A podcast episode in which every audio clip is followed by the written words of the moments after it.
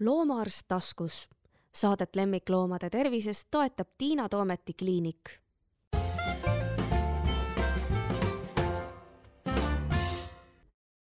tere, kuulate jälle podcasti Loomaarst taskus, mina olen loomaarst Tiina Toomet ja minu vastas istub Küllike Tohver, keda ma tunnen juba viidamast Aadamast, aga kes on nüüd viimase kaheksa aasta jooksul tegelenud väga paljude erinevate loomi abistavate MTÜ-dega ja ma tahan talt natukene pinnida selle töö kohta, kuidas ta seda teinud on, tere Küllike! tere, Tiina!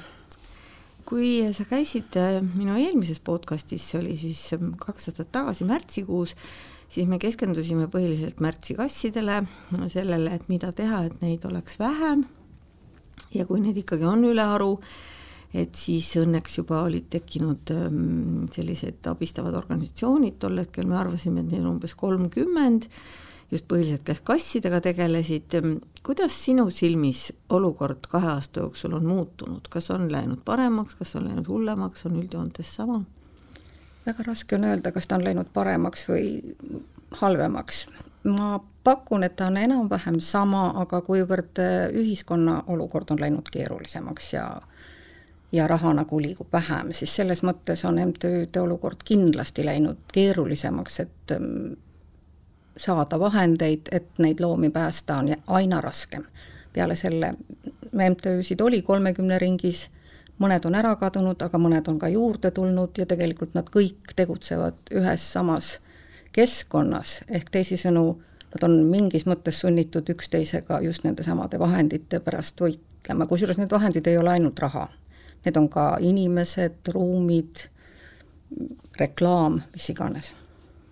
ja need MTÜ-d on ju tegelikult loodud, noh, ma eeldan, kõik loomade aitamiseks, eh, sellepärast et noh, inimene ei loo sellist MTÜ-d mingitel muudel kaalutlustel, ma, ma eeldan, aga, aga natuke on äh, ka loomaarstide hulgast läinud selliseid murenoote käinud läbi, et kas nad kõik on võimelised neid loomi aitama, ehk siis nagu piltlikult öeldes, et ähm, et me tõstame selle, noh, me räägime praegu kassidest põhiliselt, et me tõstame selle vaese kassi lihtsalt ühest nii-öelda karbist teise, aga, aga suurt vahet ei ole. et noh, ma ei taha nüüd hakata kohe nagu halva noodiga rääkima, aga, aga ilmselt neid asju ikkagi juhtub ja nendest rääkima peab, eks ole ju no tihtipeale mm, eriti alustavad MTÜ-d algavad sellest, et äh, keegi leidis oma koduaiast hüljatud kassi või hüljatud kassipojad, siis otsustas, et ta hakkab aitama ja ühel hetkel kasvab see tal üle pea, nii et tõsi on, on selliseid, kes ei saa hakkama ja keda tuleb siis omakorda päästma hakata. ma ei julgeks seda öelda vähegi suuremate ja kogenumate MTÜ-de kohta, sest nad on siiski juba aastaid tegutsenud ja enam-vähem saavad hakkama. mis kellegi motivatsioon on, on, on väga raske hinnata. aga algselt kindlasti tahtsid kõik loomi aidata nojah, mul on endal selle koha pealt natuke hirm, et kui, kui ma ise mingisuguse sellise aktsiooniga alustaks, et siis ilmselt ongi nii, et sul on ühest kahju ja sul on järgmisest kahju ja siis on ülejärgmisest kahju ja siis ongi nii, et see kasvab sul kõik nagu üle pea.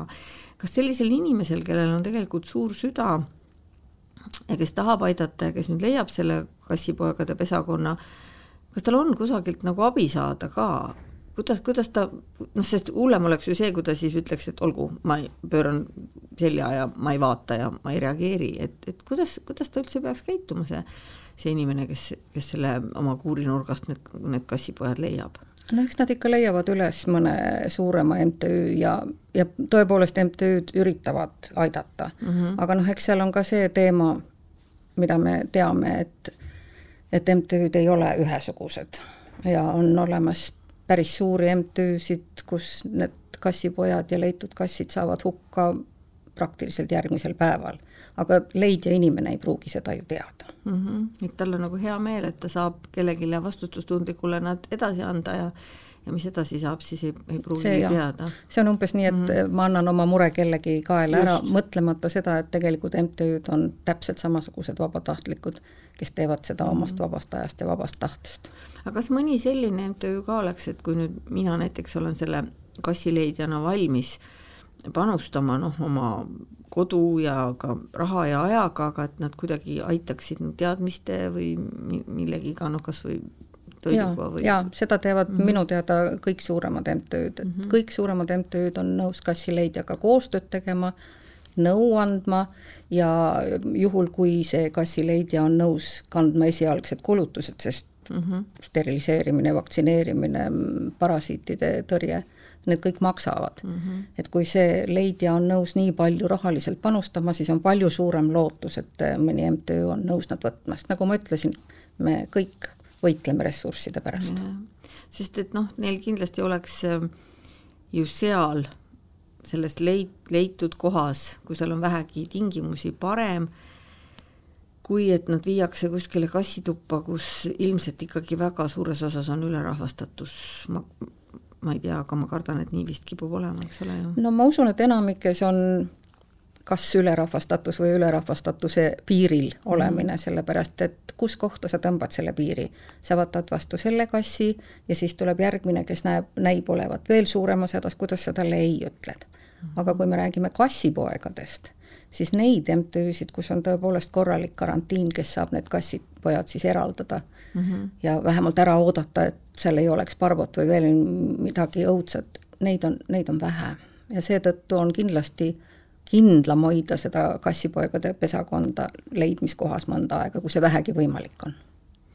Nojah, see on üks, üks suur teema ka, ma pidin selle juurde tulema siin lõpupoole, aga kui meil juba jutuks tuli, et inimesed, kes võtavad omale kassi, siis ühest küljest on see minu meelest, eriti kui sa võtad täiskasvanud kassi, siis sa saad vaadata, et kuidas ta käitub, kas ta üldse harjub inimesega, mismoodi ta on.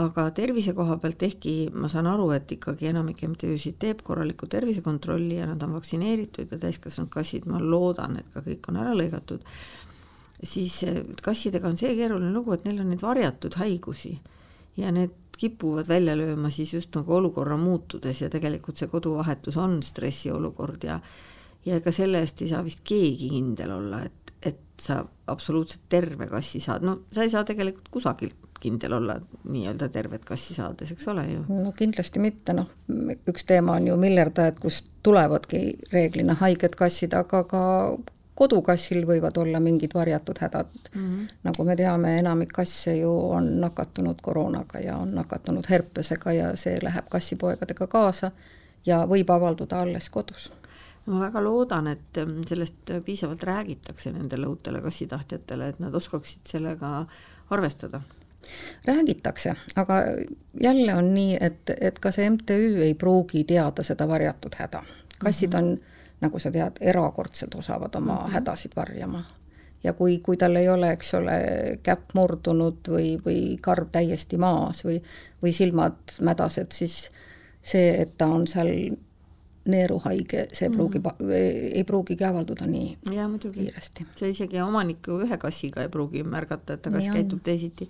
aga kui meil on tegemist ikkagi mitmete kassidega, siis see vaene hooldaja muidugi ei jõuagi neid jälgida kõiki.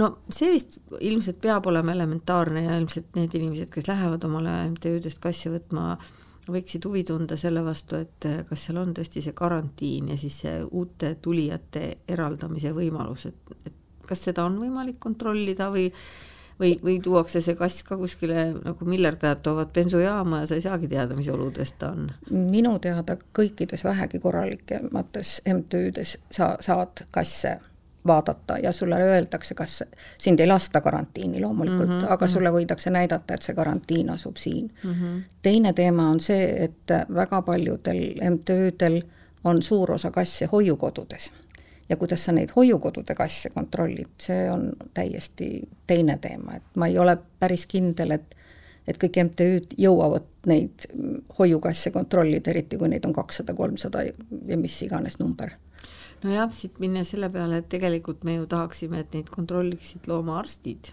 noh, mingi, mingis pikemas perspektiivis kunagi võiks ju ideaalmaailm olla selline, et et see Äh, kasse ja ka koeri või ükskõik missuguseid loomi nii-öelda kaitsev, hoidev, hooldav MTÜ oleks ka mingil määral ikkagi veterinaaride kontrolli all, et et ei tekiks puht teadmatusest seda niinimetatud väärkohtlemist, sest noh, mulle nagu endale tundub, et et hästi palju sellest väärkohtlemisest ei ole mingi õelusest ega tigedusest ega kurjusest, isegi mitte rahaahnusest enam nii palju võib-olla, kui on teadmatusest, et inimesed lihtsalt ei ei kujutagi ette, noh, kas või see, et, et nendel kassidel peab olema piisavalt ruumi, et neil peab olema piisavalt liivakaste, et neil kassidel peavad olema need peidukohad. et noh, et need asjad jäävad tihtipeale tegemata, sellepärast et tundub, et ah, pole hullu, et nad saavad hakkama, eks ole, aga nii ei ole ju. siin ma olen sinuga täiesti nõus, et need reeglid on ebaselged ja ma olen kindel, et väiksematel MTÜ-del pole reeglitest aimugi Nad ei kujuta ette, kui palju peaks neil olema ühe kassi jaoks ruume või mitu liivakaste või, või, või millised peidupaigad, et inimesed tõepoolest ei tea. ja, ja ei ole ka ühtegi sellist selget kohta, kus see niimoodi mustvalgel kergesti kättesaadav oleks mm. -hmm. et seda saaks kontrollida see MTÜ, kes alles on ennast asutanud või seda saaks kontrollida siis see looma võttev inimene, kas need nõuded on täidetud?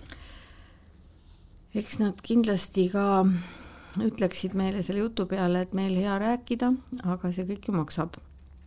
et ruumi on rohkem vaja ja sul on rohkem liivakasti vaja, sul on kõike rohkem vaja, aga siin oleks muidugi võib-olla jube hea, kui ma ei tea, võib-olla mõni majandustudeng oleks nõus tegema oma kursuse töö majandusanalüüs, sest et kui me paneme kaalukausile selle, et, et sa parandad nende elamistingimusi ja selle võrra kulub vähem ravimisraha siis võib-olla see raha peaaegu võiks ka võrdsustuda, sest noh, me kõik ju teame ja ma loodan, et kassi hooldavad inimesed ka teavad, et kasside väga palju haigusi tulevad, noh, need on nii-öelda elustiilihaigused, stressihaigused, et juba nende elutingimuste parandamisega tegelikult me suudaksime noh, väga paljusid näiteks kas või põieprobleeme ju tegelikult ära hoida. nii et siin on vist mõtteainet. siin on mõtteainet, see on, see on see vaatekoha muutus, et mm -hmm. vaata, see kliiniku kulu on see, mille sa pead tegema, kui sul kass mm -hmm. haigeks jääb aga see uue ruumi rentimine, noh, selle sa saad edasi lükata mm. -hmm. just, aga kui sa mõtled nagu ennetavalt, et ja, siis jääb see kliiniku kulu võib-olla tegelikult täitsa ära.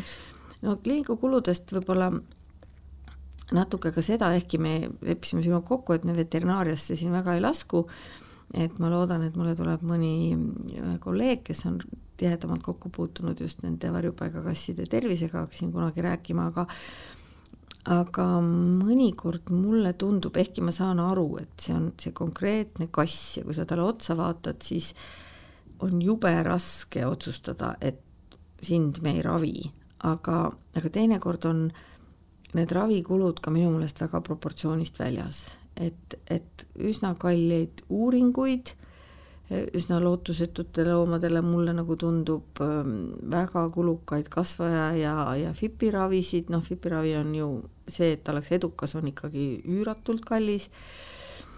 et ma noh, jälle mul on siin lihtne targutada, eks ole, mina ei vaata sellele konkreetsele kassile otsa. aga nagu sa ütled, et et raha on vähem, ajad on rasked, et siis ilmselt ikkagi ei tohiks ju järgi anda kõikidest nendest noh, juba see karantiin, deso, vaktsineerimine, ussirohi steriliseerimine, need peaksid olema need, mis on igal juhul tehtud. Neid ka enam-vähem tehakse mm, -hmm. selle koha pealt on asi läinud kindlasti paremaks. aga mm, me lubasime, et me ei räägi palju veterinaariast, aga mm on üks asi, mis on mind ähm, nende kaheksa aasta jooksul pidevalt imestama pannud, paneb siiamaani varjupaikade kassid steriliseeritakse ja kastreeritakse. millegipärast, kas varjupaigad ei nõua või, või veterinaarid ei taha, aga selle protseduuri ajal on ju kass narkoosis, ükskõik mm -hmm. kui metsik ta on, siis sa võiksid talle ju suhu juba ära vaadata, sa võiksid talle kõrvad ära vaadata ja noh, tänavakasside üks kõige suuremaid probleeme, millest tulevad muud probleemid, on, on hambad aga mis juhtub, kas steriliseeritakse, läheb varjupaika, ta on metsik, teda keegi tükk aega ei puutu ja siis kuskil poole aasta, aasta pärast avastatakse, alastaja taevast ta ei saa süüa, sellepärast et tema suu on nii kohutavas korras. aga tegelikult see on üks asi, mis peaks tehtama juba selle steriliseerimise, kastreerimise käigus ära. mitte, et see suu korda teha, vaid see, et sellele varjupaigale öelda, et kuulge, kui te hmm. sellega nüüd kohe ei tegele, siis teil tuleb jama see on täitsa üllatav, mina arvasin, et see on elementaarne. Ei ole. sellepärast et no mul lihtsalt tuleb see võrdlusmoment, et kui me käisime eelmine kevad Kihnu kasse lõikamas, noh, see oli siis selline ühepäevane aktsioon, kõik, kes me kätte saime, emased-isased said lõigatud ja meil oli natuke poleemikat selle üle, et noh, see on selline ikkagi suur protseduur, noh, emase kassi lõikamine, et kas meil on nagu noh, nii veterinaarmeditsiiniliselt nagu hea talle teha ka marutaudivaktsiin, anda talle ussirohtu, noh, turja peale sai neile pandud. ja tegelikult meie otsus oli selline, et selle kassi kättesaamine on nii suur probleem, see on nii suur trauma talle, noh, see kinnipüüdmine juba selle puuriga, me läbi puuri ju peame teda süstima, ta on vihane nagu erilane seal, seal puuris et me võtame selle riski ja me teeme kõik ära, mis me vähegi teha saame. noh, tõesti, hambaraviks meil ei olnud seal nii-öelda võimekust ega, ega soovi, aga, aga neil olid üllatavalt head hambad, me just arutasime, aga noh, tol hetkel me kõik, me panime neile kiibid ka kõik, sellepärast et mõtlesime, et kuidas me pärast noh, me käisime sügisel uuesti ja püüdsimegi ühe kiibitud kinni, nii et seda ei hakanud enam keegi uuesti nagu lõikama, eks. et, et tegelikult issand, kui MTÜ-l on ju see ei ole ka oluliselt kallim ja sa niikuinii pead looma üle vaatama, kui seda lõikad, et see on, mulle tuleb täitsa Mm. üllatuseks, et mind on see ka kogu aeg imestama pannud, et pärast seda ei tehta. ma ei tea, miks seda, ma ei oska sulle öelda. teine asi, mis on mind alati, no kogu see kiibistamise teema ja see, et, et pidevalt on kassid, kellel on kiibid ja mis on registrisse kandmata. nii palju, kui mina tean MTÜ-sid, nemad kannavad nad äh, registrisse. järelikult siis on need kiibistatud loomad omanike loomad, kes ei ole neid kandnud, et et kui me jõuaksime selle kiibistamisega nii kaugele, et no ma saan aru, et see, kes kiibistab, ei saagi teda registrisse kanda, aga ta saaks vähemalt kirja panna, kelle jaoks ta selle kiibistas. no mina jälle võib-olla, ma ei tea, võib-olla see on meie kliiniku eripära ma vaidleks vastu, et et me, meie kliinikust vist, ma arvan, ükski kiibistatav loom ei lähe niimoodi välja, et teda ei panda registrisse, sellepärast et see on lihtsalt sinu ärarääkimise oskus öelda inimesele, et saage aru, et see kiip ilma registrita on mõttetu jubin selle looma, eks ole, seal naha all. ja et täita ära see paber ja maksta üksteist koma viis eurot ühekordselt looma registreerimise eest, mis on siis see, et ta läheks siis sellesse Eesti Väikeloomaarsti Seltsi registrisse, see tegelikult, ma, ma, ma isegi ei näe inimesi, kes ütleksid ei, ma ei ole nõus ja noh, teine asi on see, et on see linnaregister, sinna nad peavad ise panema, et ma ei, ma ei usalda seda sellepärast, et ma tean ennast. noh, ma teen, aa, ma teen homme, aa, ma teen ülehomme, ma teen, et, et noh, et kindlasti on inimesi, kes on väga korralikud ja teevad, aga on neid, kes ei tee, sest mind paneb ka see tohutult imestama, et jälle on kuskil kuulutus, tal on kiip ja ta on registreerimata. mille, vabandust, pagana pärast tal see kiip siis üldse on? Mm,, sel kiibil pole ju mõtet see kiip peab olema kuidagimoodi, noh, ma saan aru, et sa ütled, et et omanik maksab see üksteist, aga noh, kui see varjupaik toob sulle korraga kakskümmend kassipoega, siis tema jaoks võib see registreerimistasu olla oluliselt suur probleem, aga tõesti, varjupaigad kannavad nad registrisse. Seal on vist osadel ka mingid eri, äkki mingid kokkulepped, ma ei ole päris kindel, aga, aga noh, see on minu meelest väga ja, arukas, et, et see on. no tohutu lootus on, et äkki meie need praegused valitsejad Toompeal on ikka jälle hakanud rääkima sellest üleüldisest registrist ja, ja, ja kiipimisest, et võib-olla see ikkagi saab teoks. et, no minu teada peaks saama teoks Priia kinnitas, et no, see on neile ülesandeks aa, antud mm -hmm. ja Priia peab selle ellu viima, ma küll kuulasin seda juttu ja mõtlesin, et te päris täpselt ei tea ilmselt, mille te endale teha olete mm. saanud või võtnud, aga minu teada see on Priia ülesanne. see on, ma arvan, võimalik ja Läti on näiteks selle koha pealt tohutult tubli. lätlased on suutnud selle kõik ellu viia ja nendel on kõik, neil on üks register, kõik loomad kiibistatakse ja registreeritakse ja noh, minu nagu ka ideaalmaailmas võiks see välja näha nii, et et, et sa saad nagu jälgida, kust see loom on tulnud. noh, et, et kassi puhul noh, tõesti nad, nad ilmuvadki aeda, noh mm. minu oma kass Donnarumma ilmus kaks aastat tagasi aeda ja ma tõesti ei tea, kust ta ilmus, aga aga noh, nüüd olen esimene omanik olen mina ja ma olen selle kiibi taga. aga eriti koerte puhul, et koerad ju ei tule ise reeglina, nad, nad võetakse kusagilt mm. ja, ja minu meelest see võiks olla selle esimese inimese vastutus, kes selle pesakonna on teinud, on ta siis tõesti nagu kasvataja, noh, need tavaliselt võtavadki vastutuse, aga kui ta on ups pesakond, siis ka võiks olla ikka nii, et inimene pärast ka natuke mõtleb, et kuhu need kutsikad on sattunud ja kui ei ole sattunud õigesse kohta, siis oleks tema nagu see esimene noh, kes siis kiibi järgi üles ja. leitakse, sest noh, ma tean, et tõesti korralikud kasvatajad teevad nii, et kui neil mõnikord ikka juhtub, et noh, kas pere ei saa seda looma pidada või nad on valesti hinnanud seda kasvat-, noh, oma seda kutsikaomanikku ja nad leiavad, et see koer ei ela seal täisväärtuslikku elu ja, ja nad ei hakka neid kuskile varjupaika sokutama, vaid nad ikkagi võtavad nad tagasi ja otsivad uusi omanikke neile ja see oleks minu meelest nagu see ideaalmaailm et, et sa vastutad selle looma eest, kui sa ta siia ilma oled juba nii-öelda aidanud või lubanud tal siia ilma tulla, aga noh, kuidas me selle kassidega saame, ma ei tea. ja see on tegelikult huvitav, mis sa ütlesid, et kui varjupaigad ju ei anna välja lõikamata loomi, siis kust nad meil siis tulevad no üks asi on see, et kodupaljundust on kohutavalt palju.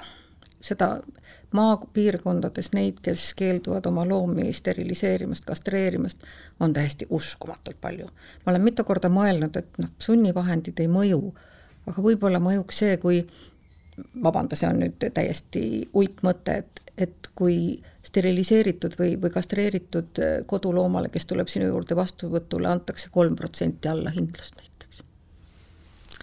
jah, ma ei tea, no vot meil ju selliseid ei käi, mul on raske ja, öelda. ja ma tean, aga, aga noh, paljudes teistes kliinikutes ja, ja. käib, sest ja. kodupaljundus ja on, on kõige, kõige kohutavam, sest noh, praegu on kassipoegade hooaeg täies hoos. palju neid tuleb Raplamaalt, palju neid tuleb Tartumaalt, palju neid tuleb Virumaalt, no see on uskumatu iga päev leitakse üks pesakond, kaks pesakonda, hüljatud kassipoeg. ja nii ongi, varjupaigad üritavad, aga kõigile käib see üle jõu.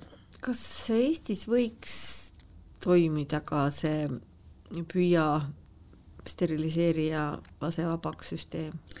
no on olemas MTÜ-d, kes seda juba praegu vaikselt praktiseerivad mm, -hmm. ei pane seda kella külge, aga seda tehakse väidetavalt eh, sellisel juhul, kui see kass on kinni püütud mingi nii-öelda toitja juurest, et on olemas mingisugused seal siis memmed või, või, või kes iganes kuskil aianduskooperatiivides, kes neid hulkuvaid kasse siis eh, toidavad mm -hmm. ja kui nad siis kinni püütakse, siis nad eh, MTÜ kulul lõigatakse ja lastakse sinna tagasi ma ei oska sulle öelda, kas see õige või vale, aga noh, kindlasti parem kui see kontrollimatu paljunemine. no minu silmis tegelikult ka selles mõttes parem sest see on see, mida me seal Kihnus tegime ka, et seal ei olnud mingit muud varianti üldse. et see on igal juhul parem kui see, et ma oleks nad kinni püüdnud, nad olid metsikud, nad tõesti käisid ainult noh, söömas ja jooksid minema. et ma siis võtan ja viin nad kuskile kinnisesse ruumi puuri. ja mis nende saatus siis on sest et noh, ma usun, ilmselt sina oled tegelenud, ma juba usun, et sa oled mõnda metsikut kassi ilmselt sotsialiseerinud ja saanud temaga hakkama aga me ei saa eeldada, et MTÜ-del oleks selleks võimekust, noh, see ei ole reaalne. ja sa ei saa anda seda metsikut sisisevat kassi ju, ju kellelegi inimesele lihtsalt niisama, et võtke ja vaadake, kuidas te temaga hakkama saate. noh, nii kurb kui see ka ei ole, paraku aeg-ajalt antakse ja mm. aeg-ajalt ka võetakse ja minu kogemus nende kaheksa aasta jooksul ütleb ka seda, et sa võid sellele kassisoovijale rääkida, et ära palun võta seda kassi, võta parem see kass mm., sest äh, temast saab sulle parem sõber, siis, siis seda ei kuulata. aga pikakarvaline säravate silmadega läheb alati paremini peale ja siis noh, hea, kui ta siis kahe kuu pärast tuuakse varjupaika tagasi, hullem, kui ta lastakse siis tänavale. või viiakse metsa. või viiakse metsa mm, -hmm. jah, aga aga noh, see peaks olema, noh, mulle millegipärast tundub, et, et koertega on juba see asi enam-vähem paika läinud et nad lihtsalt, see ei ole üldse valikuski, see koer. Kui ta ei ole sotsiaalne, kui ta ei ole võimeline perekonnas elama, siis no isegi sa võid teda tahta, aga, aga sulle teda ei anta. ma vähemalt loodan, et nii on ja mulle tundub küll, et kassid ka ei tohikski olla valikus, aga, aga no vot, nüüd on siis küsimusega, et kus nad siis on Just, elu lõpuni puuris. aga no nad ei ole puuris ja, ja noh, okay. jälle on võimalik sotsialiseerida iga kassi on., aga see on. nõuab tõesti, teinekord see nõuab lausa aastaid mm. Mhm. -hmm. ja, ja see pere seda tegema ei hakka ja on vabatahtlikud, kes sellega tegelevad, aga neid ei ole palju. ja nad on täpselt sama haruldane ressurss kui, kui, kui raha mm. -hmm. aga mis siis selle kassiga teha, no ega tal seal tänaval, kui ta on seal Kihnu saarel mm, Mhm, -hmm, siis ta tõenäoliselt on suhteliselt ohutus keskkonnas mm, -hmm. aga kui ta on mingisuguse tehase territooriumil, kus tal ei ole süüa, kus ta võib iga hetk jääda mingisuguse masina alla, no siis seal see eriti variant ei ole, et no siis on tal tõenäoliselt seal varjupaigas ähm, parem, sest reeglina neid ei hoita seal puurides, neid varjupaiku, mis hoiavad kasse aastate kaupa puurides, on ikka üks, kaks, kolm okay.. enamasti nad on ikka üldtubades, kus nad saavad suhelda teiste kassidega ja ja ma pean sulle ütlema, et need eriti metsikud kassid mm, -hmm. need tegelikult suhtlevad teiste kassidega palju paremini kui need kodust toodud nunnukad täitsa võimalik, sellepärast et elu on neid õpetanud. absoluutselt mm, -hmm. nad saavad sellega hakkama ja nende jaoks see ei ole tragöödia, nende jaoks on see, et neil on kõht täis ja tal on seal sõbrad olemas, no okei okay,, noh, ta selle kahejalgse peale sisiseb, aga mm. -hmm. ehk siis nemad võiksid eladagi mingis sellises ja. Iseseisvas kassimajas. täiesti vabalt ja nendega ei juhtu midagi hirmsat, et kodustunud kassid ja nende stress on varjupaikade jaoks palju suurem probleem. no ja vot need ongi need, need kuulutused, mis, mille peale minul alati süda kokku tõmbab, aga ma jälle olen kuidagi nii vist rumalalt ettevaatlik, et ma ei julge oma kassi kõrvale võtta teist kassi, sellepärast et ma ju ei tea, kas talle sobib ja kui talle ei sobi, noh, hea küll, minu kass võib-olla kannatab selle proovimise perioodi välja, aga siis ma pean seda teist õnnetukest solgutama, eks ole, juba hakkab võib-olla minu juures harjuma ja siis tegelikult nii et, et need, need üksikud kassid ongi harjunud üksi olema ja vot nüüd on mul see, see alati see kurb koht, et noh, ongi olnud kellegi väga armastatud kass ja inimene on ära surnud näiteks, eks, ja siis otsitakse talle uut omanikku noh, hea, kui on mingi naaber, et ta saab veel elada seal selles korteris, talle viiakse süüa, tal on vähemalt nagu keskkond on sama, ehk inimest enam pole. vot see loom peaks küll saama kas siis kohe uude koju, et tal on harjumine, või siis mina ei tea, kes see on, kes selle südame nüüd kõvaks teeb ja selle looma siis noh, tal on olnud ilus elu ja, ja, ja kui tal ei ole seda uut ilusat elu, siis siis sellise looma varjupaika viimine, kus ta peab harjuma ikka täiesti teiste oludega, siis see on minu meelest jube raske, aga aga jälle vot vaata talle otsa ja, ja mõista ta üle siis nüüd nii-öelda seda mitte kohut, aga noh, et mis tema elu hind on või midagi. ma ei tea, kas peaks olema mingi loomade testament, aga mis see aitab jälle, noh, see vanatädi võib testamendi küll teha selle kassi kohta, aga kui pärijad tahavad korteri ära müüa, siis mis nad teevad selle kassiga? Ma ei tea siin on väga raske piiri tõmmata, et kui see kass on kuskil seal viisteist, kuusteist, seitseteist aastat vana, see on üks teema. aga nendel lahkunutel jääb järgi ju kahe-kolme-nelja-aastasi täies elujõus täiesti terveid kasse. et neid, mitte üritada neile uut võimalust leida, on, on suhteliselt julm, julm. absoluutselt, ma olen nõus, aga, aga, aga viia nad ka varjupaika ja lasta neil oodata seal aasta aega seda uut võimalust, see on ka minu meelest ka päris julm, nii et ega me peame jälle natuke vaatama. jaa, seal on kuskil mis... tasakaalu otsimine, aga ja. jälle omast kogemusest ütlen, et kui ta on kodust tulnud, ta on veel niisugune nunnu, ta on veel seal kuskil karantiinipuuris või, või mm -hmm. kohanemispuuris, siis tema šanss kodu leida on suhteliselt suurem kui, kui nendel kassidel, kes on seal toas olnud juba kolm-neli aastat okay see lohutab mind. jaa, ei tõsiselt on, et ja, ja. paljud MTÜ-d ütleksid sulle, et need kodukassid vahetult pärast tulekut saavad kergemini koju kui siis, kui nad on seal mitu aastat ja. olnud. no ma ise ka julgeks võib-olla neid rohkem soovitada, sellepärast et ikkagi nad on inimesega reeglina harjunud ja, ja, ja nendega on võib-olla kergem hakkama saada, kui, kui nendega, kes on kuskilt püütud. ja. ja, nii on. sul on endal kindlasti mõni nendest, keda sa oled seal päästnud, sul on neid ju mitu mõni positiivne lugu ka rääkida? no hetkel, nagu sa tead, on mul lausa viis kassi, nendest yeah. üks on hoiukass ja diabeetik, sest ma olen endale alati öelnud, et ma ei võta endale kunagi hoiukassi, sest ma niikuinii loobuda ei, ei suudaks. Aga noh, temaga oli täpselt see olukord, et ähm, polnud meie MTÜ-s ühtegi inimest, kes oleks nõus olnud teda süstima, teda pidi süstima kaks päeva, kliinik pani uksed kinni pühadeks ja sa kas võtad või jätad. ju ma siis pidin võtma. aga mul on ka üks selline, keda sina nimetad eriti metsikuks, nii et tõenäoliselt see on kõige metsikum kass, keda mina oma kaheksa aasta jooksul üldse näinud olen. tema puurile liginedes hakkas hirmus ja sa kuulsid kõikvõimalikke õudsaid muusikahelisid oma peas, sest et ta ründas silmad põlemas puuri, nii et puur värises. kust ta tuli?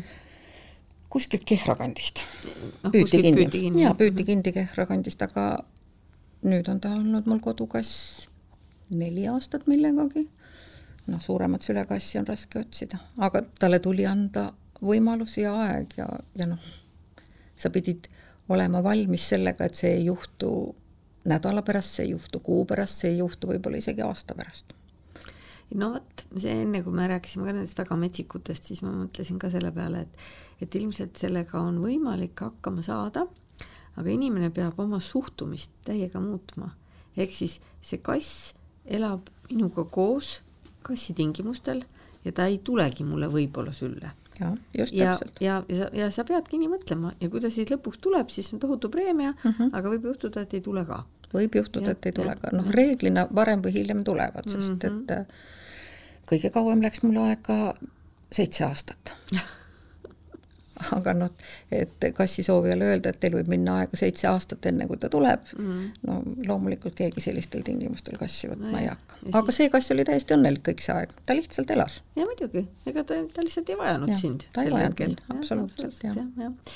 aga see, nüüd see suhkruhaige kass, tema tuligi siis kellegi lahkunud inimese juurest või kuidas, kuidas tema sinu juurde sattus? tema leidmine oli tegelikult väga põnev sa tead, on olemas telesari naabrist parem. ja mindi seda filmima sinna, kus nad neid kortereid tehti, ühest mm. korterist leiti see nooruke kass. kuidas ta sinna oli sattunud, keegi ei tea. sealt ta viidi Paljassaare varjupaika ja Paljassaare varjupaik mingil põhjusel, ma ei tea, kas nad ei tuvastanud seda diabeeti või mis iganes, aga nad andsid ta üle meie varjupaigale ja meie siis paari nädala pärast avastasime, et kass on diabeetika. aga see on huvitav noorel kassil, see on väga haruldane tegelikult. no väidetavalt sai ta mingil põhjusel kuskilt kõhunäärmepõletiku okay., kuidas ta selle sai, seda me ei tea. sõi jumal teab mida. no just mm, -hmm. ja sellest kõhunäärmepõletikust tekkis diabeet, kõhunäärmepõletik on nüüd taastunud, nii et noh, me oleme nüüd väga veterinaarsed, nii et minu lootus on see, et et äkki ta kuskil niimoodi poole aasta jooksul enam ei vaja neid süste, et see funktsioon taastub, aga noh, see on lootus. kas see täitub või mitte, seda ma loomulikult ei tea. jah, kassidel võib pöörduda no. jah, et see on küll tõesti, et kassidel võib, võib see diabeet nagu olla pöörduv, et, et saab vist terve kassi veel no no tore, et me nüüd räägime sellistest positiivsetest asjadest ka, mul on praegu selline tunne, et me tahakski nende äh, Nende... aga ma tahan sulle ühest asjast nii, veel rääkida no,. sa üt-, ka veterinaarsest asjast, sa ütlesid, et, et sa ei taha nendest meeletutest kuludest rääkida. minul on kogemus kahe FIP-i kassiga mm, -hmm. varjupaigakassiga. ühest pole suurt midagi rääkida, aga teine oli üks Narvast püütud kass, kellel oli sada viiskümmend häda, tal raviti need hädad terveks ja ta oli metsik nagu, nagu kurat. ja ühel päeval, kui ma läksin varjupaika, tuli see kass nurrudes minu juurde ta oli kogu aeg peidus kuskil pesas, ma ei mhm. näinud teda. ja siis ma äkki avastasin, et taevas halasta, sel, see kass on nii rääbakas, ta on nii kõhnaks jäänud, mis temaga juhtunud on ja nüüd äkki, eks ole, mhm. tuleb mm -hmm. minuga suhtlema, kui pole kunagi mitte kellegagi suhelnud mm. -hmm. et ilmselt on mingi jama. tuli abi paluma? Tuli abi paluma, jah mm. -hmm. Läksime kliinikusse ja tuligi välja, et tal oli FIP mm. -hmm. Nendele, kes ei tea, siis see on infektsioosne peritoniit ehk siis nakkuslik kõhukeelmepõletik kasside päris kole haigus. paljudel õnneks eh, ta lihtsalt, nad võivad olla nakatunud, aga nad ei haigestu, aga see kass siis ilmselt eh, noh, kogu selle stressi ja muu asjaga Just. siis tekkis tal see kliiniline ja. haigus ka mm. -hmm. ja siis me kulutasime selle meeletu summa mm. -hmm. Ja ravisime selle kassi sellest vipist tervest ja tänulikumat paimaiamat, sõbralikumat kassi kui see FIP-ist tagasi toodud kass mm. -hmm on raske otsida, kahjuks ta pole siiamaani veel kodu leidnud, ta on siiamaani veel varjupaigas. Okay. aga, aga ühesõnaga selle, selle kassi näitel mm -hmm. ma ütlen, et kui sul vähegi võimalik on, siis, siis sa ei saa ette otsustada, et ma ei hakka seda tegema. ma olen sinuga nõus, ma olen sinuga nõus ja see etteotsustamine ongi väga raske. Et, et, et tegelikult tahaks ju kõikide suhtes otsustada hästi. aga mis me siis nüüd teha saaksime, ma ei tea, meie sinuga, teised kassisõbrad, mis me saaksime teha, et ikka läheks kogu aeg paremaks? aga ma võiksin anda veterinaaridele paar nõuannet. noh, jälle sinu kliinik võib-olla ei ole see kõige õigem, kellele neid nõuandeid anda, aga noh, esimene nõuanne on see, et et kui te selle kassi kätte saate, siis vaadake ta nii palju üle, et ütlete varjupaigale, et need hambad on jamad mm. -hmm. teine asi, kui see kass tuuakse, siis rääkige sellele varjupaigale ära, mida need uuringud maksavad ja kas neid kõiki on mõtet teha. sest me mm -hmm. oleme sattunud ka kliinikutesse, kus neile tõesti tehakse udupeened uuringud, aga võib-olla ei jaksa see varjupaik maksta ja võib-olla pole kõiki neid udupeeneid uuringuid vaja. ja kolmas asi, kui see kass on valudes, siis tehke sellele varjupaigale selgeks, et siit maalt ja mitte enam. Et ma olen diabeetikutega nõus, ma olen, ma olen nõus ka nende kilpnäärmehaigetega, et, et sa saad, just, ta saab ravi mm. -hmm. aga kui see kass on ikka valudes kui see ja, ja need valud on pöördumatud mm, -hmm. no siis loomaarst peaks jala maha panema ja ütlema, et siitmaalt ja mitte enam. jah, et see on looma piinamine. eks võib-olla me peame tegema ka seda, noh, vot nüüd ei tea, kes seda teeb, sellepärast et eks loomaarstid on ka tohutult ülekoormatud, aga aga ikkagi neid koolitusi natukene ja rohkem sellest kassi tervisest eh, võib-olla rääkima, sest valudega on tõesti nii, et inimesed ei tunne loomavalu ära. isegi koer, keda on tegelikult noh, siiski suhteliselt lihtne lugeda võrreldes, võrreldes kassiga, siis inimesed kõiki muid asju märkavad, aga valu nad lihtsalt ei märka. ja noh, kassi puhul on see veel eriti keeruline ja, ja, ja noh, mis meie ülesanne siis on tegelikult vabastada loomi valust. üks kõige olulisemaid asju üldse, mis me nagu teha saaksime, eks ole ju mm. -hmm. aga mis veel, no kui me saame nad kiibitud ja registreeritud ähm,, kellele veel koputada, lõigake oma loomad ära, ärge laske neil kontrollimatult paljuneda äh, äkki noorem põlvkond juba on targem no,, koolides äkki ka ja, räägitakse? just, kõik MTÜ-d peaksid seda tegema, aga tegelikult ei tee. aga kõik MTÜ-d peaksid nägema vaeva ja minema koolidesse või kutsuma neid koole külla ja isegi lasteaedu. meie pisike MTÜ teeb seda suhteliselt regulaarselt ja just rääkima sellest, et tänavakass suure tõenäosusega tekib eelkõige sellest, et kuskil on mingi nihu läinud kodupaljundus, kes on siis lastud kuskile jooksma. ja ma loodan, et te räägite ka seda, mis on minu arust ka hästi tähtis ja mida ma nagu laste puhul praegu näen rõõmuga, et nad ikkagi oskavad reageerida, et kui nad leiavad looma, noh, on ta siis nüüd hädas, hädas või ta lihtsalt on kuidagi üksi jäetud, et, et reageeritakse, et see minu meelest on ka tähtis ja mulle tundub jälle, et, et meie noorem põlvkond on Lapsed palju, palju ja, paremad reageerijad. jah, sest et kui ma tegin seda lemmiklooma foorumit, siis kõlas sealt läbi üks niisugune lause, et et loomakaitseorganisatsioonid saavad ikka väga palju telefonikõnesid ja et neid halbu asju juhtub ikka palju ja et suur hulk helistajatest on lapsed ja siis selle peale ütles minu poeg pärast, ütles, et issand, aga see on ju positiivne. et kui mina olin laps, noh, see on siis nüüd mingi kakskümmend aastat tagasi, eks, või rohkem, et siis olin mina oma klassist ilmselt ainus, kes oleks osanud üldse reageerida hädas olevale loomale, noh tänu sellele, et ema on loomaarst. aga kui ma praegu kuulen, et abitelefonile muudkui helistavad lapsed, siis järelikult lapsed on nagu väga teadlikud ja väga, väga tähelepanelikud, nii et on, nii on see annab lootust ja see, ma arvan, annab sulle ka jõudu sinu selles raskes töös, sellepärast et ega see ikka kerge ei ole, ma ikka siiralt imetlen sind Külliki, nii et. noh, raske see on ka mingis mõttes natukene nagu narkootikum, kui sa oled seda hakanud juba tegema mm., siis on väga keeruline kõrvale astuda. no see on hea kõrva taha panna, ma ei ole, ma ei tea, kas ma olen veel valmis narkootikume tarbima, et vist veel ei ole. ja ei, aga, aga see on ja,. jah, jah, aga igatahes, et kõik, kes vähegi saavad aidata, ükskõik siis millega, kas siis aitamisega füüsiliselt, rahaliselt, lihtsalt märkamisega, kõik, igaühe panus on ikka väga teretulnud, eks ole ja kõige tähtsam on, et saaksid varjupaigad ja loomaarstid omavahel läbi. see on ka väga-väga oluline. no ma olen lootusrikas. mina ka. jah, olgu, aga aitäh sulle. aitäh sulle. loomaarst taskus. Saadet lemmikloomade tervisest toetab Tiina Toometi kliinik